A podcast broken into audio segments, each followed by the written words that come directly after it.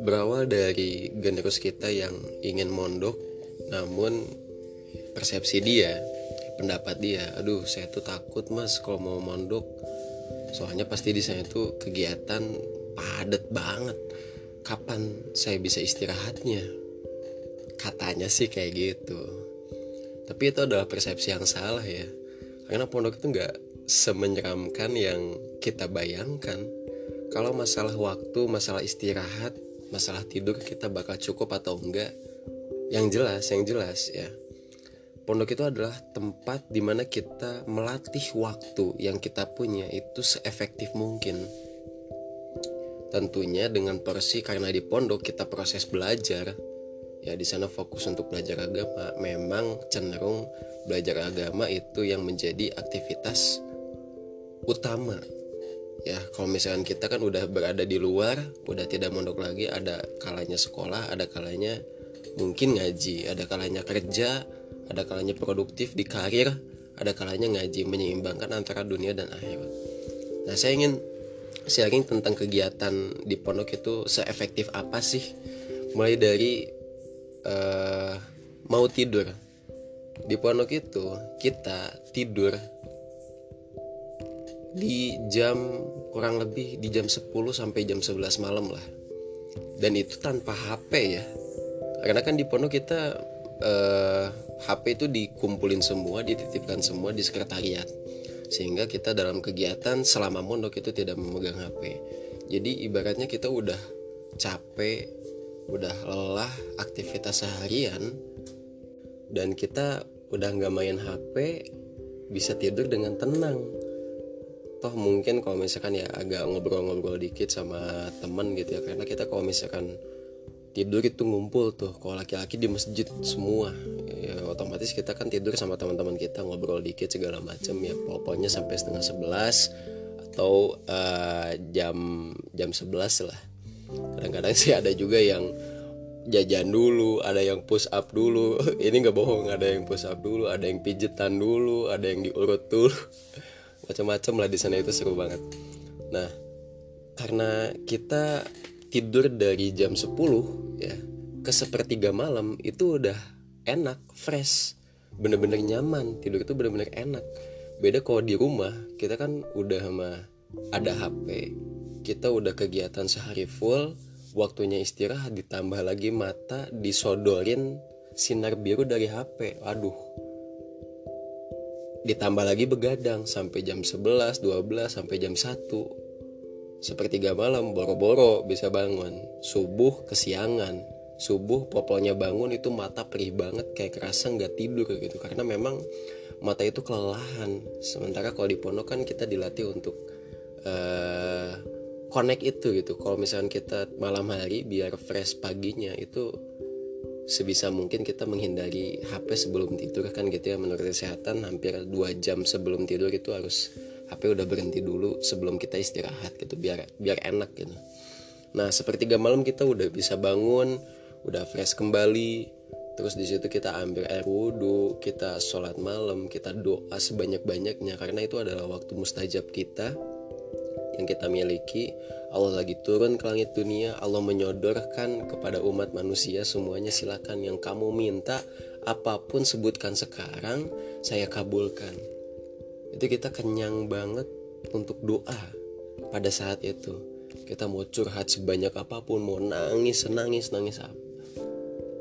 Senangis nangisnya ke Allah silakan ya. Di situ waktu yang sangat enak banget untuk kita benar-benar mendekatkan diri kepada Tuhan kita, kepada pencipta alam semesta kita.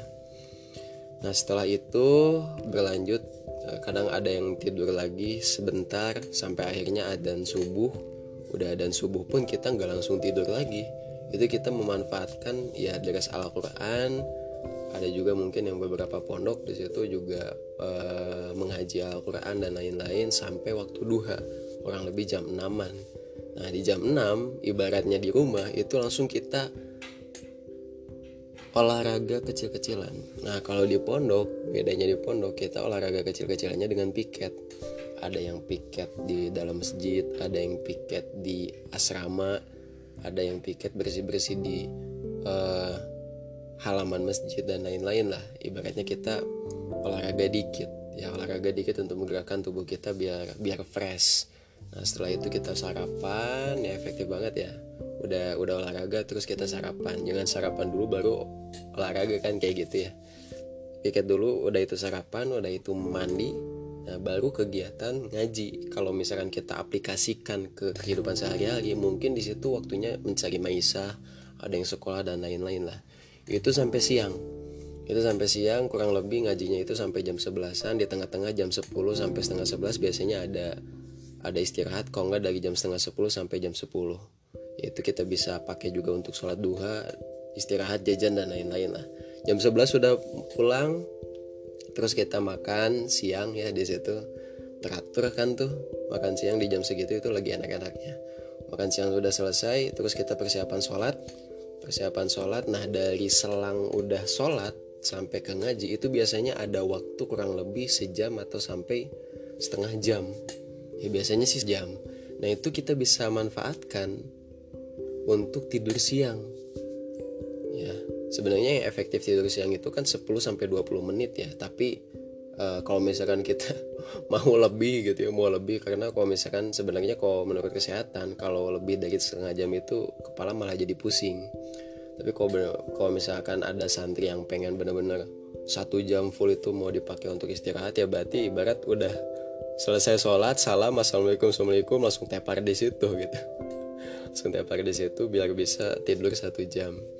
Udah bangun udah cuci muka segala macam kita ngaji lagi sampai asar. Nah udah asar biasa di situ uh, kegiatan bebas. Silakan ada yang mau nyuci mungkin ada yang mau nongkrong sampai ja, uh, sambil jajan ada yang mau olahraga futsal dan lain-lain lah. Ibaratnya itu waktu santai kita. Udah kegiatan bebas di situ ada makan juga ada makan sore jadi kita makan itu nggak malam ya karena makan malam itu buat eh, nggak uh, baik juga untuk kesehatan maghrib kita bisa mendengarkan nasihat yang luar biasa dari guru-guru kita. Nasihat ini adalah walaupun ya secara kalau dipikir-pikir, bukan kita udah dari pagi siang juga ngaji Al-Quran, ngaji Al-Hadis. Ditambah lagi nasihat apakah nggak bosan? Nasihat itu adalah ibarat makanan, itu makanan kesukaan kita, makanan yang benar-benar kita butuhkan. Kadang-kadang kebutuhan kita mau dinasehati apa itu kalau misalkan ngaji Quran hadis kadang-kadang gak sesuai ibaratnya mungkin kita lagi butuh nasihat tentang jujur tapi karena kita mengaji Al-Quran ya sesuai jadwal sesuai konteksnya ya kan ngurut itu dari Al-Baqarah sampai ke belakang kita lagi butuhnya nasihat tentang jujur tapi kita ngaji di Al-Quran kebenaran lagi di halaman sekian tentang bab uh, hukum dan lain-lain ya kan? Di situ mungkin agak nggak nyambung. Nah di momen nasihat inilah kita mendapatkan sesuatu yang kita butuhkan karena membahas tentang keseharian kita membahas tentang dunia kita. Guru-guru selalu menyodorkan atau menyediakan nasihat yang apa yang kita butuhkan di masa sekarang ataupun untuk persiapan di masa depan nanti ya, yang terlihat itu seperti apa terus dinasihatkan di pada saat itu. Makanya biasanya momen nasihat ini adalah momen kita aduh ya juga ya saya benar seperti itu. Aduh kok guru ini kayak kelihatan bisa baca pikiran saya ya gitu. Karena memang nasihat itu sangat butuh untuk kita di momen ini nah sudah nasihat selesai udah isa lalu lalu di situ kita ngaji lagi sampai jam kurang lebih jam ada yang sampai jam 9 tiap pondok itu beda-beda ada yang sampai jam 9 ada yang sampai jam setengah 10 atau jam 10 nah udah itu ya seperti biasa istirahat lagi seperti itu sepanjang hari. Ini memang karena di pondok itu dalam tanda kutip yang diutamakan itu tadi ya belajar agama. Nah sehingga memang kegiatan fullnya itu lebih banyak belajar agama. Kalau misalkan itu diaplikasikan ke sehari-hari, masya Allah itu bagus banget. Kita aplikasikan ketika di rumah gitu. Udah kita sekarang misalkan udah di dunia kerja, istirahat cukup, sepertiga sepertiga malam bisa bangun, udah subuh kita bisa beres Quran olahraga kecil sarapan sari maisah pulang misalkan di situ uh, di jam istirahat kita mungkin sempet sempetin tidur siang mungkin kalau bisa.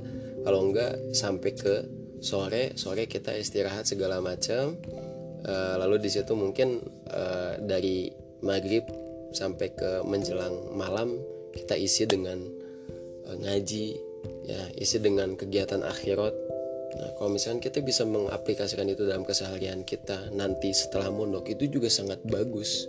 Dan itu juga saya praktekkan sekarang gitu.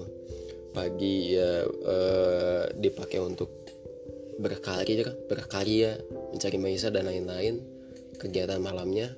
Terus di situ diisi dengan agama ya. Sehingga balance gitu sehingga balance dan terasanya sangat enak sekali memang jadi memang benar-benar saya balik lagi tarik kesimpulan bahwa kegiatan di pondok itu waktu pada saat kita di pondok kita belajar benar-benar mengefektif mengefektifkan waktu mengefektifkan hal-hal yang sangat bermanfaat untuk kebaikan kita berjalan sehari-harinya.